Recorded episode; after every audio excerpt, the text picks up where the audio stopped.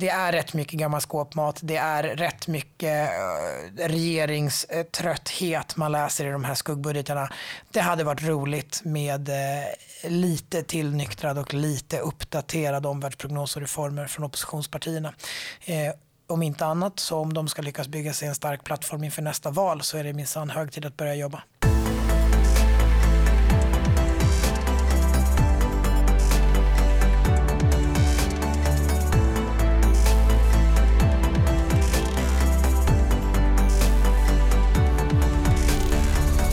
Efter att regeringen har presenterat sin budgetproposition så följer varje år oppositionspartiernas eh, förslag till budgetar som kallas skuggbudgetar. För precis en vecka sedan när det här avsnittet släpps, alltså förra onsdagen, så var sista dagen för att lämna in då sin skuggbudget. Vår chefekonom Erik Bengtsbo har gått igenom oppositionspartiernas skuggbudgetar och gästar oss här idag för att berätta vad han har funnit. Varmt välkommen till Skattebetalarnas podd. Uppskattat Erik. Tackar, tackar. Och välkommen åter ska man säga. Det var ju bara någon, några veckor sedan du var här senast. Eh, när regeringen presenterade sin budget så beskrev du den som en krisbudget där reformer för fler jobb lyser med sin frånvaro. Vad är ditt samlade intryck av oppositionspartiernas budgetar? Finns det fler reformer för jobb i dem? Nej, tyvärr inte om man ska vara väldigt krass och ärlig. Och det är väl ett samlat intressant, enligt mig, underbetyg till svensk politik. Att även fast vi befinner oss i ett läge där vi går in i en lågkonjunktur och vi har hög inflation så, så speglar liksom alla fem budgetarna, både regeringens och de fyra skuggbudgeterna som de fyra oppositionspartierna har lagt, mer krisfokus eh, och mindre fokus på att faktiskt verkligen eh, fundera på hur skapar man tillväxt, hur skapar man omställning, hur nyttjar man Sveriges läge både ekonomiskt, kunskapsmässigt och i världen när nu inte bara Sverige utan hela världen går in i en kris. Ehm, tittar man på de fyra skuggbudgeterna som är presenterade så är de, eh, precis som regeringens, lägger man mycket fokus på att just inflationsbekämpa, just hantera omedelbara eh, kriser för privatpersoner och företag och stöd i den så att säga, ekonomiska eller prismässiga kris vi befinner oss i. Eh, Socialdemokraterna, Miljöpartiet och Vänsterpartiet eh, lägger ju dessutom väldigt mycket fokus på att kraftigt höja skatter och höja kostnader. Eh, och passar på att, att göra det när man väl har så att säga, chansen i opposition om man ska vara krass Den lilla ljusglimten när det gäller just jobbskapande är väl eh, möjligtvis i sådana fall Centerpartiet som ju har den absolut mest tillväxtorienterade så att säga, anslaget i sin eh, budget och som ju vill fokusera mycket på just jobbskapande åtgärder eh, genom skattelättnader för företag. Men även där blir det rätt snävt, det blir rätt selektivt och det är inte alls de stora genomgripande reformer som, som svensk arbetsmarknad skulle behöva. Inte Centerpartiets budget heller räcker som någon form av arbetslinje. Nej, okej, Man är, alla partier är väldigt mycket här och nu och blickar inte så långt framåt. Det är, det är inga långa linjer. Det är inte särskilt långa linjer. Det är väldigt mycket här och nu. Det är väldigt mycket hänsyn till Riksbanken eh, och det är väldigt mycket fokus på, på inflationen. Och det som också känns som bara lite allmänt sådär. Nu har det varit val. Det har varit förhandlingar efter val. Eh, nu är man lite trött. Eh, nu ska man försöka forma någon form av oppositionsidentitet och man ska skriva sin egen budget. Eh, och det blir väl inte alltid en sån hejdundrande intressant läsning när det är fyra partier som skriver budget där de vet att den inte kommer gå igenom. Nej, och sen är det väl så också, det är en väldig skillnad på oppositionsbudgetarna och är det alltid oavsett vilka som sitter i regering respektive opposition därför att eh, de partier som är utanför regeringen har inte tillgång till ett finansdepartement så att man utgår väl lite från regeringens budget och så skär man och flyttar om lite i den, är det inte så? Jo, så blir det absolut. Alla har ju samma sifferunderlag i grund och botten och det blir ju politiskt ofta mer intressant att visa på skillnaden mellan sin budget och regeringens budget eh, snarare än att liksom faktiskt fokusera på de reella problemen som finns. Mm. Eh, men sen är det ju också den, stor, den största skillnaden är ändå att det blir ju låtsasbudgetar. Så det är lite luftgitarr. Det, det, är lite luft, luftgitarr. Eh, och så var det med, med eh, den nuvarande regeringen när de satt i opposition. Deras eh, budgetar var mer luftgitarr. Eh, Även om de gick igenom. Ja, och det är ju det som är faktiskt den stora skillnaden. Alltså här, den förra mandatperioden var det ändå åtminstone i omgångar, väldigt mycket mer intressanta oppositionsbudgetar. För de hade en möjlighet att gå igenom och då var man tvungen att göra dem seriösare. De fyra oppositionspartier som nu har lagt oppositionsbudgetar och skuggbudgetar, de vet att de inte kommer att gå igenom. Eh, och då blir de också ännu mer luftgitarr. Man försöker inte ens man försöker inte fejka att det kommer att bli verklighet. Eh, man har själv ingen tilltro på att det kommer att bli verklighet. Så man behöver därmed inte förhålla sig till verkligheten. Utan det blir lite grann vad, vad, vad det blir. Eh, och det är ju den ena biten så att säga. Den andra biten är ju också att det blir ju lite, lite väl mycket charad. Det är få tror jag, som egentligen bedömer att Socialdemokraterna och Centerpartiets, eh, deras två respektive skuggbudgetar, skulle se ut så här om det var en S-ledd regering med budgetstöd av Centerpartiet. Eh, då skulle eh, en budget som en sån regering la fram skulle inte se ut som någon av de här två budgetarna. Nej, just det, för det har varit en del gapande, inte minst om att Socialdemokraterna inte går tillbaka till enprocentsmålet i bistånd till exempel. Helt enkelt därför man utgår ifrån nuvarande regeringsbudget. Ja, och det faktum att, att eh, Socialdemokraterna, Miljöpartiet och Vänsterpartiet alla tre exempelvis inte eh, justerar skiktgränsen för statlig mm. inkomstskatt och den här typen av saker. Alltså här, man, man, man vill alltså inte göra indexeringar som annars görs det är klart att man kanske hade mixtrat lite grann med det och kanske inte genomfört det fullt ut och försökt hitta någon form av halvmesyrväg. Men jag tror att det är oerhört osannolikt att en S-ledd regering med stöd av Centerpartiet skulle eh, så kraftigt frångå liksom, indexeringar. Det, det, här, det framstår som lite skog, väl mycket luft här. Så skuggbudget här är inte, man ska inte jämföra med regeringsbudget. Det här är ett sätt att, att visa politisk riktning snarare än någonting annat va? Det är ju framför allt det. Och mm. ännu tydligare så nu när det faktiskt finns en majoritetsförhållande i riksdagen. Eh, och sannolikheten för att en skuggbudget går igenom är obefintlig. Just det. Just det. Eh, det finns en del som menar att det inte är någon större skillnad på höger och vänster i svensk politik. Att vi har en eh, åtta klöver som är tätt sammanpressad någonstans i mitten. Eh, men om eh, SDs och regeringsbudget ska beskrivas som en högerbudget eh, de här andra partierna, om man då möjligen undantar Vänsterpartiet, kan man säga att det är vänsterbudgetar då? Ja, det kan man absolut säga om man undertar Centerpartiet. Eh, Socialdemokraterna, Miljöpartiet och Vänsterpartiet föreslår ju alla eh, rätt så kraftigt höjda skatter eh, och kraftigt höjda utgifter. Socialdemokraterna nöjer sig med 20 miljarder. Eh, Miljöpartiet vill ha eh, lite drygt 50 miljarder höjda skatter och Vänsterpartiet vill ha nästan 70 miljarder höjda skatter. Eh, och det är ju skatter som man eh, då så att säga i påbyggande skala lägger på ett arbete två eh, kapital och ägande. Eh, och vill ju verkligen då, framförallt från Miljöpartiet och Vänsterpartiets sida, verkligen vrida åt eh, skatten på arbete och skatten, skatten på kapital. Man föreslår ju höjda kapitalskatter, man föreslår progressivitet på kapitalskatter, man föreslår återinförd värnskatt. Eh, Vänsterpartiet vill återinföra fastighetsskatt eh, och arvs och gåvoskatt. Eh, så där blir det ju verkligen en, en väldigt tydlig ekonomisk höger och vänsterkonflikt som inte handlar om ett par enskilda miljarder. Eh, alltså när värnskatten slopades så handlade det om en reform på ungefär 5 miljarder. Eh, här föreslår då exempelvis Miljöpartiet höjd skatt på arbete med 20 miljarder. Eh, en riktigt är, vidrig påse gott och blandat. Det, det, är verkligen så och det är ju verkligen en tydlig liksom, höger-vänster skillnad. Sen är det ett par liksom, frågeställningar som, som har börjat skära lite undligt på en höger-vänster-skala. Och det gäller ju inte minst då så att säga synen och hanteringen av a-kassan. Där det ju då nu är en högerregering som permanentar den här tillfälliga höjningen av a-kassan. Och sen är det en opposition där ju då Centerpartiet är emot den permanenteringen.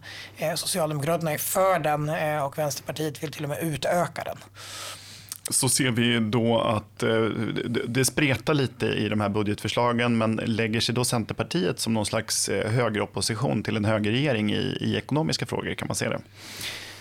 Nej, tyvärr inte skulle ja. jag säga. Eh, det är väl en from förhoppning att, att man skulle kunna få en, en, eh, en ekonomisk högeropposition i Centerpartiet. Det tror jag skulle vara bra för den svenska ekonomiska politiska debatten.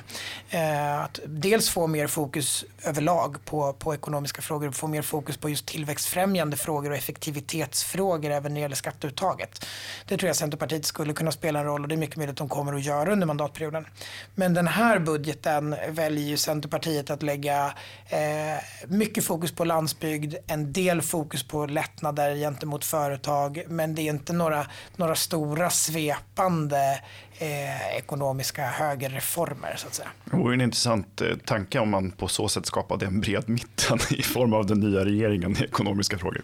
Eh, genom att själv läggas till höger. Det vore, det vore ett, intressant, ett intressant grepp. Är det mycket duttande? Centerpartiet har ju ibland en fäbless för lite såna här eh, geografiska eh, och särlösningar som, som ska tillfalla vissa. Alltså vi hade ju de här eh, sänkta skatter i vissa områden och sånt där. Finns det liknande förslag här från Centerpartiet? Centerpartiet? Ja, det finns liknande förslag från, från alla partier eh, och det är rätt mycket duttande överlag eh, i oppositionsbudgetarna. Dels är det duttande egenskap av, av små pengar. Eh, man gör satsningar på ett par tiotals eller hundra miljoner när man har en, en budget i offentlig sektor som omsätter 2800 miljarder.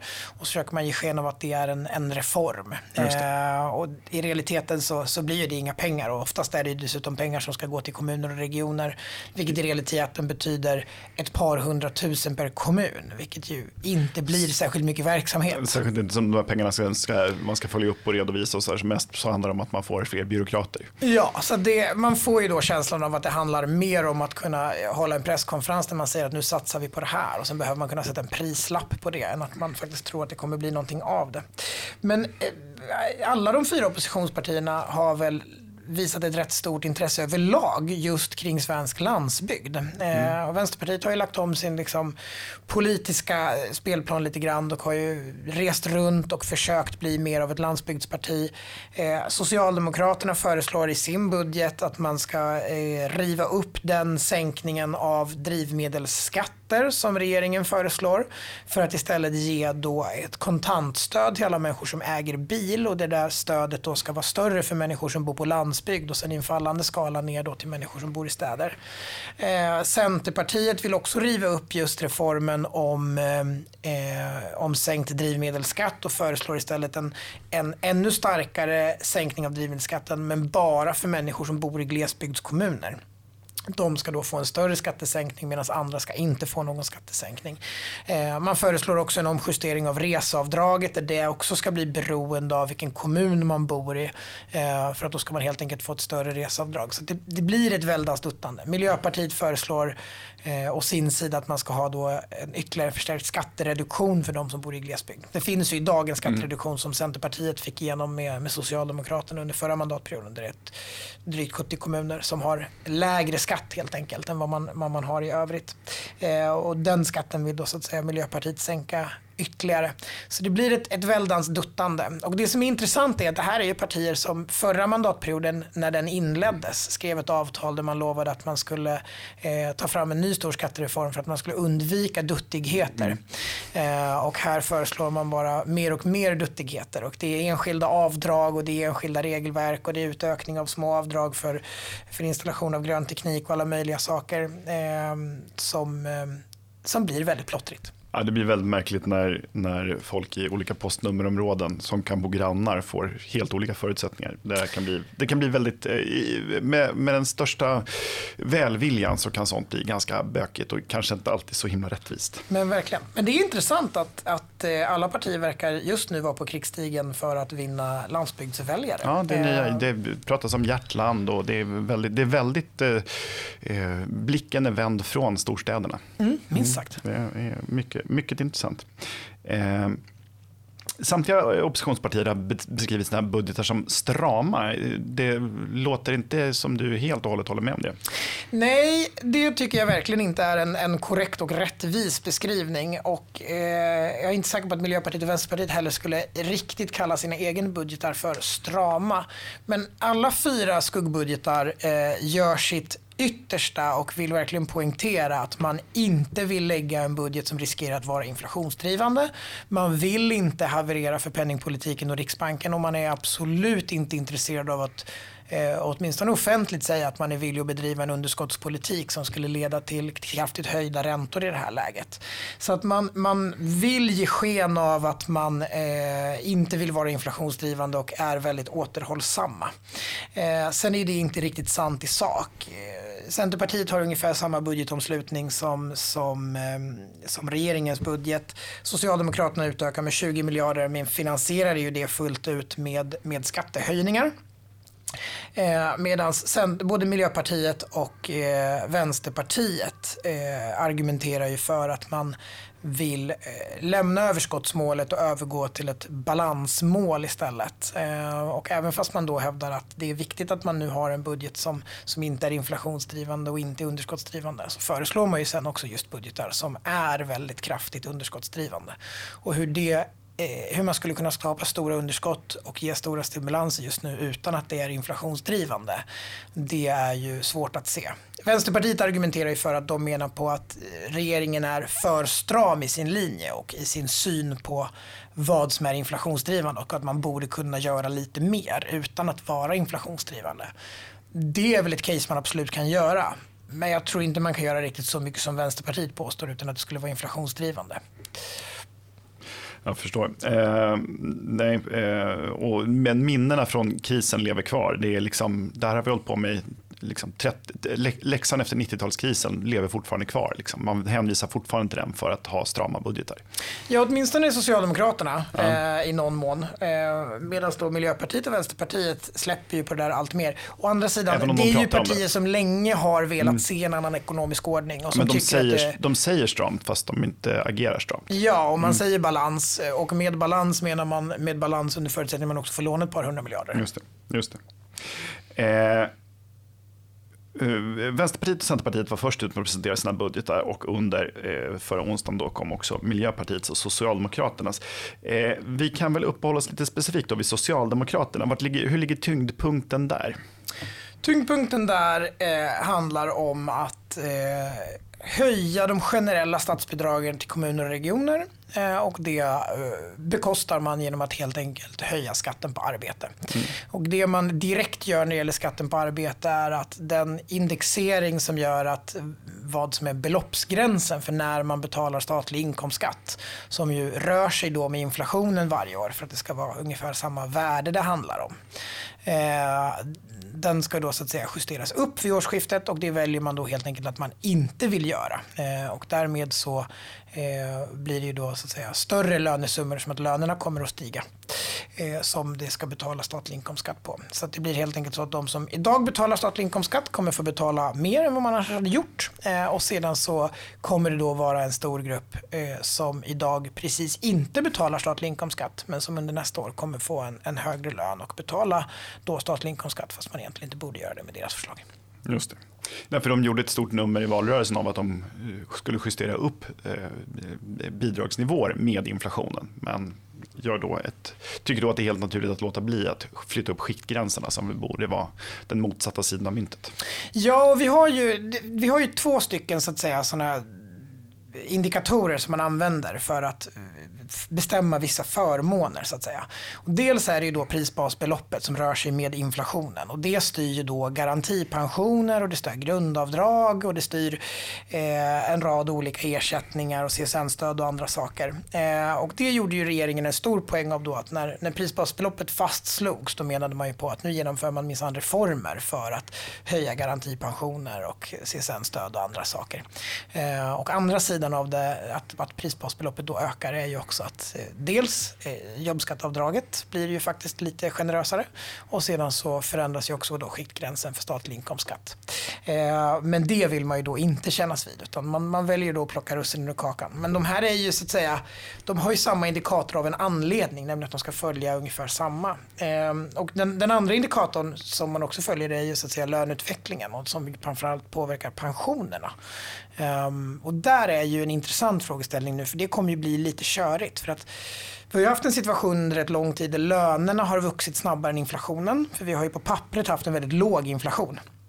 Eh, och det gör ju att garantipensionärerna som då är beroende av inflationen för att få en uppskrivning av sin pension har ju fått en långsammare uppskrivning än inkomstpensionärerna.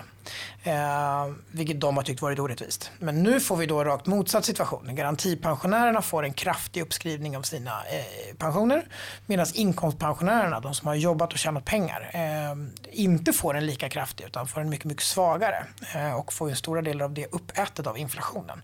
Vilket gör att respektavståndet mellan en, en pensionär med låg inkomst men som har arbetat hela sitt liv kontra en pensionär som har garantipension och kanske aldrig arbetat eh, kommer bli väldigt, väldigt liten. Det kommer vara en hårsmån däremellan för många. Eh, och det är ju ett problem, det får man ändå lov att erkänna. Just det, för det där hör ju ihop med arbetslinjen som är nästa fråga. Eh, hur förhåller sig Socialdemokraterna till den?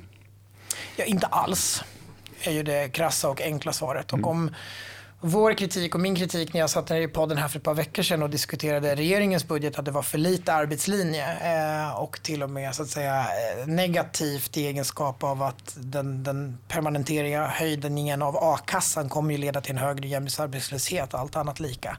Eh, så är ju Socialdemokraterna snäppet värre och Miljöpartiet och Vänsterpartiet ska vi inte ens prata om i det fallet. Eh, men Socialdemokraterna föreslår ju då en, en en rätt rejäl höjning av skatten på inkomst. Eh, och det vet vi ju att det leder till färre arbetade timmar och lägre lönevolymer. Eh, Institutet för arbetsmarknadspolitisk utvärdering kom ju med en rapport här rätt nyligen som vi har diskuterat tidigare eh, och som man ju kan hitta information om på vår hemsida och på deras hemsida om inte annat. Där man just har granskat eh, när för förra regeringen, alltså Stefan Löfvens första regering, genomförde reformer och trappade av jobbskatteavdraget för människor med högre inkomster så konstaterar man att det blir en minusaffär för staten. För att det är redan så pass högt beskattat att när skatten ökar för de som har höga inkomster så leder det inte till högre skatteintäkter. Eh, och man, befinner, är då, man befinner sig i utförsbacken på, på Lafferkurvan helt Man enkelt. befinner sig i utförsbacken på Lafferkurvan så skulle man absolut kunna rita upp det med en julkälke så här års. Mm. Eh, och frågan är ju eh, de långsiktiga konsekvenserna av att eh, inte indexera upp den statliga inkomstskatten utan tvärtom se till att fler betalar högre inkomstskatt det kommer ju leda till att det blir mindre lönsamt att arbeta. Och det är ju inte vad Sverige behöver just nu. Alltså. Ja, det är bättre att fler arbetade så att eh, skatteintäkterna på det sättet ökar även om skattetrycket minskar. Eh, och apropå skattetryck då så ligger det beklagligt nog och deprimerande nog still under mandatperioden från regeringen. Hur ser det ut i Socialdemokraternas budget? Ja, där föreslår man ju då skattehöjningar men som ju inte är enormt stora. 20 miljarder miljarder påverkar ju skattetrycket men inte, inte med någon enorm utslag så att säga. Det kommer inte att göra att Sverige har de högsta skatterna i världen skattetrycksmässigt igen. Men det blir ju en försämring. Mm, mm. Ja, vi ligger på femte plats idag. Ja. Eh, eh, vad innebär budgeten då från Socialdemokraterna eller deras skuggbudget för landets företag? Ja, men eh, höjda kostnader för att ha personal anställd mm. eh, är ju den, den direkta delen. Eh, och sedan så det man har som näst största eh, förslag så att säga på skattesidan är ju då den här konstruktionen där man vill neka regeringens förslag till sänkt drivmedelsskatt och istället genomföra den här bilchecken som då ska gå till människor som äger bilar. Ehm, och det skulle absolut ha en negativ påverkan för svenska företag. Det skulle ju göra kunna göra viss skillnad i, i plånboken för vissa privatpersoner. Det är klart att det skapar ett, ett konsumtionsutrymme. Men drivmedelsskatterna vet vi ju kraftigt påverkar både viljan att arbeta och ta sig till och från arbete. Men är ju också såklart eh, påtaglig för eh, många svenska företag som behöver transporter eller så att säga eh, transportera varor eller transportera sig själva. Och där spelar drivmedelsskatten mycket, mycket större roll. Mm, mm. Eh, om vi då går till eh, sorgebarnet i den här uppställningen, Vänsterpartiet, de brukar ju utmärka sig med, eh, som du nämnde, hö mycket höga skatter. Eh, du nämnde på i runda slängar 70 miljarder där. Vad, vad, finns särskilt att peka ut där? Ja, men man föreslår höjd skatt med 68 miljarder och sen föreslår man höjda utgifter med 88 miljarder. Eh, mm. så där har man då, man bygger ett lite starkare underskott och man argumenterar för att det finns anledning att låna mer för att göra investeringar. Eh, och så vill man då rikta det mycket mot klimatåtgärder, eh, precis som Miljöpartiet vill göra. Eh, man föreslår då, förutom då eh, höjd inkomstskatt genom att eh, inte justera eh, skiktgränsen för statlig inkomstskatt, föreslår man också återinförd värnskatt. Man föreslår återinförd fastighetsskatt, eh, men inte likadant utformad som den tidigare. Man föreslår lite diffust en arvs och gåvoskatt, men som inte är riktigt tydligt utformad hur den ska se ut. Eh, Ehm, och rakt av högre skatter på, på hela brädet. Ska man komma upp i 68 miljarder så är det ju väldigt, väldigt, väldigt mycket pengar. Mm. Ehm, så att det är ju eh, breda eh, skattereformer som eh, kommer slå hårt i plånboken på, på de absolut flesta hushåll. Ja, vad ska man då blåsa de här pengarna på? Har man tänkt sig? De här pengarna ska man blåsa på allt möjligt. Här är det en, ett evigt sammelsurium av eh, massvis med små duttande här och där, eh, precis som Socialdemokraterna. Men den stora potten lägger man, precis som Socialdemokraterna, på höjda statsbidrag till kommuner och regioner. Eh, och du sa här att, att Vänsterpartiet är liksom sorgebarnet i detta och ur ett skatteperspektiv är de ju absolut det. Vill man se låga skatter, vill man se liksom ett dynamiskt näringsliv, eh, vill man se fler jobb på lång sikt i Sverige så, så är det absolut inte en bra budget. Men jag tycker ändå att man, man ska också credda den som äras bör och Vänsterpartiet eh, är väldigt seriösa när de gör sina budgetar. Mm. Eh, det är ordning och reda där på Det är ordning och reda där på den avdelningen, på tveklöst. Och under, under Ulla Anderssons tid var det alltid väldigt tydliga tabeller, väldigt tydligt motiverat. Man ser precis vilka skatter man ska ta in och höja, man ser precis vilka utgifter de ska, ska så att säga, öka. Eh, det, är inte, det är inte så löst formulerat och det har fortsatt under Ali Esbatis tid också. Det är väldigt tydliga budgetar som är lättlästa. Man det, eller ja, lättlästa är kanske att De är väldigt långa och innehåller väldigt mycket information. Men det är tydligt motiverat och det är väldigt tydligt uppställt vad man gör och inte gör. Mm. Eh, och det är mycket, mycket uppskattat för oss som ska försöka granska och jämföra och titta på budgetar. Oppositionsbudgetar, skuggbudgetar kan ibland vara väldigt diffusa i kanten. Att man ser att det här vill man satsa på och sen har man en, en rund siffra eller om man har en siffra överhuvudtaget. Ibland finns inte ens tabellverk och tabeller över vad som kostar vad. Medan Vänsterpartiet är, är ju föredömligt tydliga där. Eh, och om det finns en, en positiv poäng att göra också innehållsmässigt eh, så, så är ju ändå både Socialdemokraterna, Miljöpartiet och Vänsterpartiet någonting på spåret när det gäller de generella statsbidragen. Mm. Eh, kommuner och regioner i Sverige idag har ju en bitvis omöjlig uppgift med alla de här små riktade statsbidragen och det här duttandet som vi pratade om tidigare. Som ju havererar alla möjligheter att bedriva en seriös ekonomisk politik på kommunal och regional nivå. För att man ska hela tiden göra sig beroende av små tidsbedömda, eller tidsbestämda stöd som man inte vet hur länge man har men som man ändå måste förhålla sig till. Um, och att då istället så att säga, rikta om och styra mer mot generella statsbidrag, ge kommunerna och regionerna de resurser de faktiskt behöver och friheten att faktiskt genomföra det uppdraget som man har. Och resurserna ska då matcha med det uppdraget. Det vore ju en välgärning. Men, med det sagt, om man då ska utöka de generella statsbidragen så kraftigt, då får man ju faktiskt också ta och skära i de riktade statsbidragen. Och det verkar inte Vänsterpartiet vara lika sugna på att göra. Allt åt alla, eh, utom de som jobbar. Då. Eh, Miljöpartiet då, jag tolkar det som att de kanske inte är fullt så, så tekniskt noggranna. Miljöpartiet eh, i budget är absolut inte lika tekniskt noggrann som, som Vänsterpartiet. Det får man lov att erkänna. Även om jag faktiskt tycker att Miljöpartiets budget är ur ett just uppställningsperspektiv någorlunda okej. Okay. De föreslår ju då skattehöjningar på lite drygt 50 miljarder, 51,5 miljarder och sen föreslår man ju då utgiftsökningar på upp mot 130 miljarder. Och det ska man låna upp då? Så här föreslår man ju då en, en rätt massiv eh, upplåning och som sen då ska accelerera under de kommande åren. Så man föreslår ju att bygga på statsskulden med ett par hundra miljarder.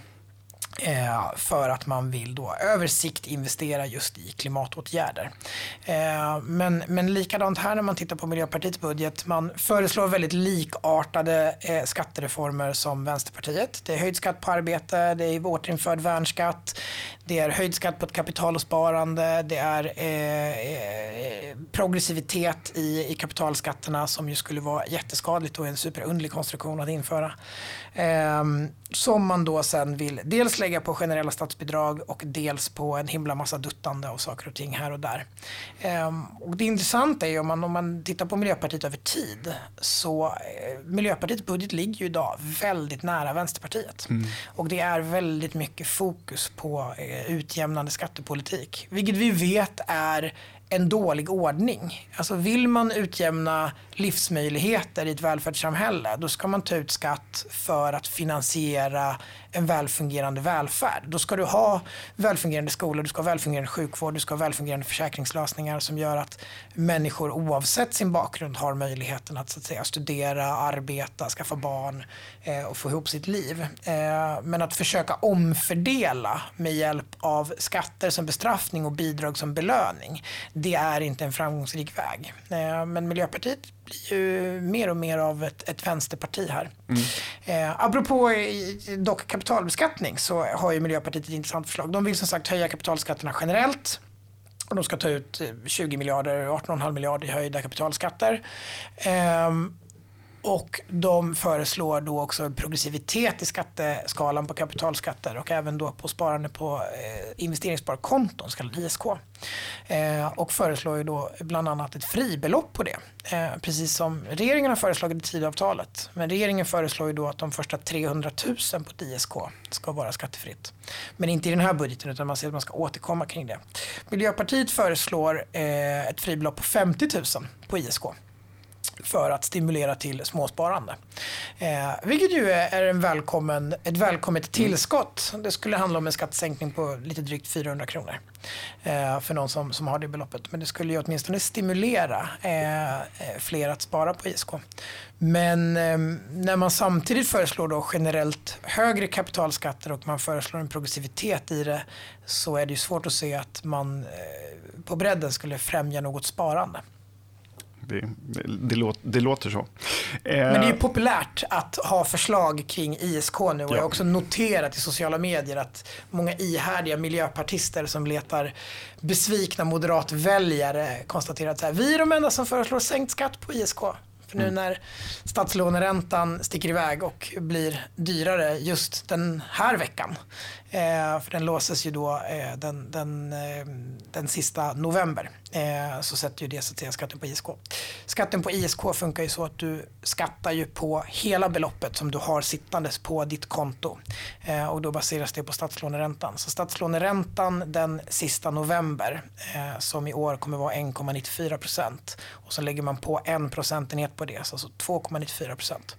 Det är då så att säga basen man utgår ifrån. Och sen tar man 30 procent av det, vilket betyder att eh, ett, på ett ISK ska man idag skatta eh, nästan 0,9 procent av det totala innehavet. Mm. Så knappt en procent. Så har man 100 000 sparade i ISK så får man 900 spänn i skatt. Då får man 900 spänn i skatt, precis. Eh, och det är ju då väldigt mycket högre än vad det var i fjol. Ja. För nu har ju räntan varit så låg och då har skatten på ISK varit väldigt låg. Eh, så då har man betalat lite drygt 300 kronor i skatt på 100 000 kronor. Nu kommer man betala 880 kronor lite drygt i skatt på 100 000 kronor. Eh, men det är intressant, hela, hela upplägget med, med diskussionen, den politiska diskussionen kring ISK-kontona är ju intressant för att eh, det har ju funnits ett tryck under den gångna mandatperioden och Socialdemokraterna var ju ute och föreslog att man skulle sätta tak på det här och man har pratat rätt aggressivt om att liksom höja skatten på ISK och det är ju flera partier som har varit ute och gjort det eh, på vänsterkanten. Eh, men det har ju varit under en situation där räntan har varit väldigt, väldigt låg. Men man ska ha klart för sig det att så här, har du 100 000 på ett ISK-konto då betalar du då, det kommer, ja, nu för det här året kommer du betala då 1 procent, ungefär 1000 kronor i skatt på det per år. Eh, har du ett sånt konto i 10 år så kommer du ha betalat 10 000 kronor i skatt. Eh, även om värdet på den inte ökar alls. Och jämför du då det med att om du köper aktier i ett vanligt aktiekonto. Eh, om du köper aktier för 100 000 och sen så säljer du dem om 10 år för 100 000, du har inte gjort någon vinst. Då betalar du noll kronor i skatt. Ja. På ISK betalar du 10 000 kronor i skatt under samma tid. Så staten garanterar ju sin egen del medan spararna och löntagarna får ta all risk. Det var väldigt pratande om hur förmånligt ISK var när räntorna var låga och börsen gick som tåget. Men går börsen inte så bra så är ju inte det här. För eh, tvärtom kan det ju vara så att, eh, säg att du istället minskar värdet eh, på ett ISK-konto så får du fortsatt betala skatt varje år. Men minskar du värdet på vanliga aktier så kan du ju göra avdrag för det om du säljer dem till förlust. Ja, och eh, på, ett, på ett vanligt aktiekonto så betalar du dessutom bara skatten när, när du, väl ja, säljer. Ja. Vilket gör att då har du också garanterat pengar. Ja. Eh, om du har ett, ett ISK-konto som du ska betala skatt på och värdet på den hela tiden sjunker så kommer du dessutom vara tvungen att sälja tillgångar med ett sjunkande värde för att betala skatten. Vilket gör att du kommer att ha ännu mindre pengar på det där kontot vilket gör att den enda som blir rik i det läget är just staten. Så just det. är en finurlig lösning. En finurlig alltså. konstruktion. Alltså. Mm. Så det där, ISK har många fördelar. Det är väldigt enkelt. Mm. Därför är det väldigt uppskattat. Men eh, den politiska debatten har gett sken av att det är så himla eh, gynnsamt. Eh, att man kan nästan vara rädd att lite för många sparare har köpt det. Mm. Mm. Nej, för så enkelt att vi har försökt påminna om det vid flera tillfällen. Att det, riktigt så enkelt är det inte. Men, men eh, ja, vi får väl se vad som händer nu. Eh, ha, Centerpartiet har vi kvar då. Eh, du nämnde att de satsar lite mer på arbetslinjen till exempel och mycket på landsbygden. Finns det något mer att säga? Det är mycket fokus på landsbygden i Centerpartiets budget, eh, inte minst i text. man föreslår när det gäller företagande. Dels föreslår man en, en, en, en rad olika eh, små reformer är egentligen inte rätt ordval, men en rad lättnader och förenklingar eh, som är vällovliga. På skattesidan föreslår man eh, sänkt arbetsgivaravgift för unga. Eh, inte för att man tycker att det är den perfekta lösningen utan för att det är en tillgänglig lösning här och nu. Och sen föreslår man att över tid de närmaste åren skifta över den sänkningen av arbetsgivaravgifter till att mer fokusera på eh, sänkta arbetsgivaravgifter för människor med låga inkomster.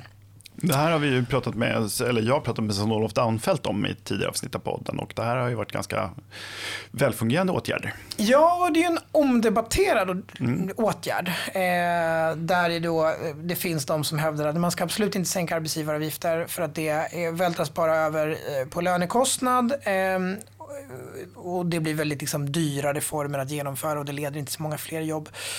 Medan de som är då för och eh, lite mer uppdaterad och modern forskning på området konstaterar att nah, men tittar man på hela arbetsmarknaden så eh, verkar ju den typen av, av åtgärder leda till att man dels företag som har många unga anställda får ett större löneutrymme och anställer faktiskt fler. Eh, och dels eh, att, att eh, det blir mer gynnsamt att anställa just unga. Vilket gör att man får in dem lite lättare på arbetsmarknaden. Och det verkar gynna liksom arbetsmarknaden i stort mycket mer än vad man har trott tidigare. Det finns ett bra poddavsnitt eh, på Uppskattat om det. Som jag kan varmt rekommendera att man lyssnar på med Sven-Olof Namfeldt som sagt. Eh, och Centerpartiet driver ju på i den linjen och menar ju på att det här skulle kunna vara en reform som, som underlättar för svenska företag och faktiskt skulle gynna arbetslinjen kraftigt. Och det tycker jag absolut att det finns fog för. Och det är väl den mest arbetslinjeorienterade reformen som föreslås i samtliga budgetar. Mm. Eh, sen utöver det föreslår Centerpartiet eh, just på skatteområdet så är ju den, den stora saken i övrigt att man eh, vill ju då inte genomföra regeringens sänkning av drivmedelsskatterna och man vill inte genomföra det förslag av att uppgradera reseavdraget som regeringen föreslår. Utan man har då istället två egna konstruktioner. Dels då med en form av checklösning på bensin och diesel där människor som bor i, i glesbygd ska kunna få eh, upp till 3 kronor billigare bensin och diesel per liter men max 2000 mil per år i körsträcka. Så det handlar ju ändå då om 3600 eh, kronor ungefär eh, för en, en, en bilist maximalt som man skulle kunna få. Men det är ju en rätt krånglig lösning mm. vi pratar om.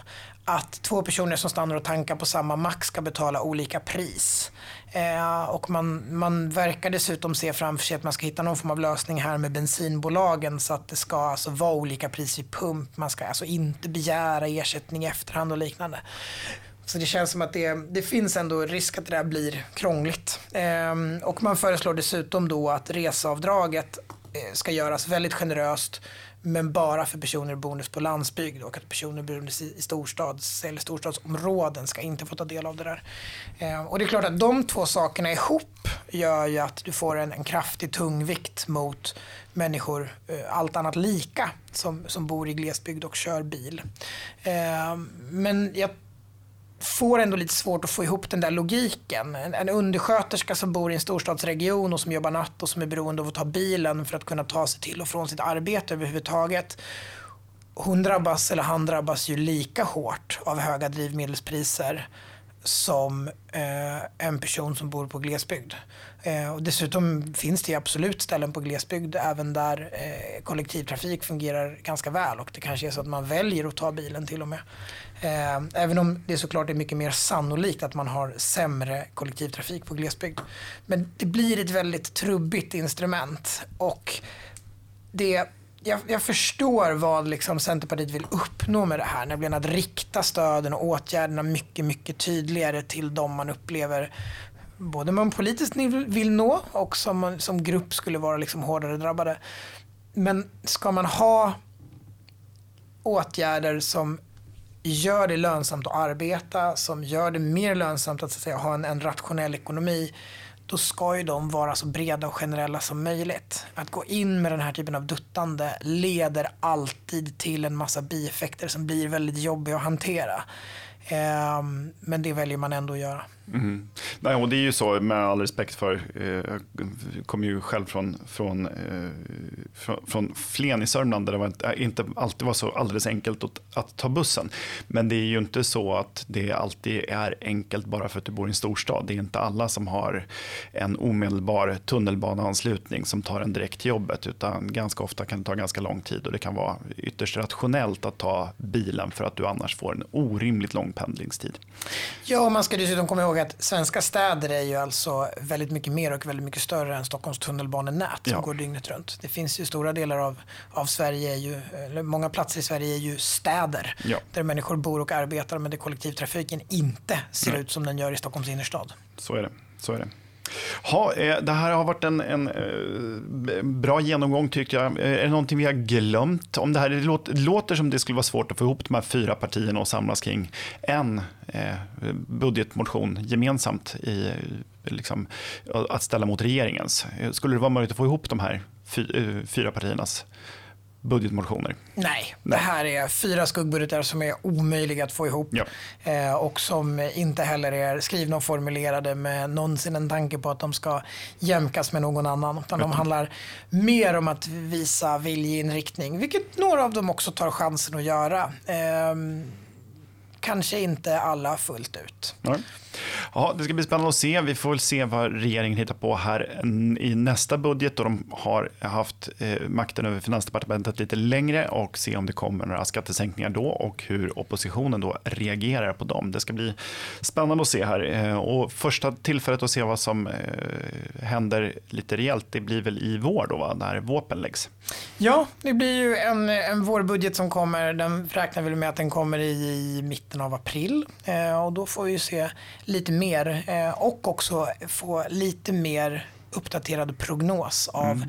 hur kommer också svensk ekonomi att utvecklas. Nu är ju alla förberedda på lågkonjunktur och håller ju hårt i slantarna. Men om det är så att, att lågkonjunkturen inte blir så fullt så tuff som de värsta bedömarna bedömer och om det är så att inflationen eh, kanske också faller tillbaka lite grann så finns det ju all anledning för regeringen att faktiskt, eller oavsett vad, finns det ju all anledning för regeringen att fundera på reformer. Mm. Eh, men då finns det ännu mer anledning att faktiskt vara lite mer snabbfotad också med reformer. Eh, så att jag hoppas att man jobbar febrilt på Finansdepartementet med att ta fram reformer för att göra det mer lönsamt eh, både att arbeta, att spara och driva företag. Och jag hoppas också eh, på lite mer spännande skuggbudgetar till mm. våren och nästa höst. L eh, lite mer rafflande läsning? Lite mer rafflande läsning, lite eh, mer framåttänkande, lite mer framtagna nya intressanta reformer. Det är rätt mycket gammal skåpmat, det är rätt mycket eh, regeringströtthet man läser i de här skuggbudgetarna. Det hade varit roligt med lite tillnyktrad och lite uppdaterad omvärldsprognos och reformer från oppositionspartierna. Eh, om inte annat, så om de ska lyckas bygga sig en stark plattform inför nästa val så är det minsann hög tid att börja jobba. Mm. Ja, vi får hoppas att deras fatig efter valrörelsen kan eh, botas nu under lite julledighet så att de kommer tillbaka med eh, ny kraft här till, till våpen. Då. Eh, stort tack Erik för att du kom hit. Tackar, tackar. Tack. Och eh, tack du som lyssnade för att du eh, lyssnade på Uppskattat. Det är en podcast från Skattebetalarnas förening. Vi jobbar för låga och rättvisa skatter, rättssäkerhet för skattskyldiga och minskat slöseri med skattepengar. Vi bildar opinion och folkbildar i skattefrågan och vi lever som vi lär och tar bara emot frivilliga bidrag. Uppskattar du podden så kan du gärna ge oss ett högt betyg i din app. Och vill du medverka till att Sverige blir ett land med minskat slöseri och rimligare skatter så stödjer du oss enklast genom att bli medlem. Läs mer och bli medlem på www.skattebetalarna.se bli medlem. Till nästa vecka. Ha det så bra.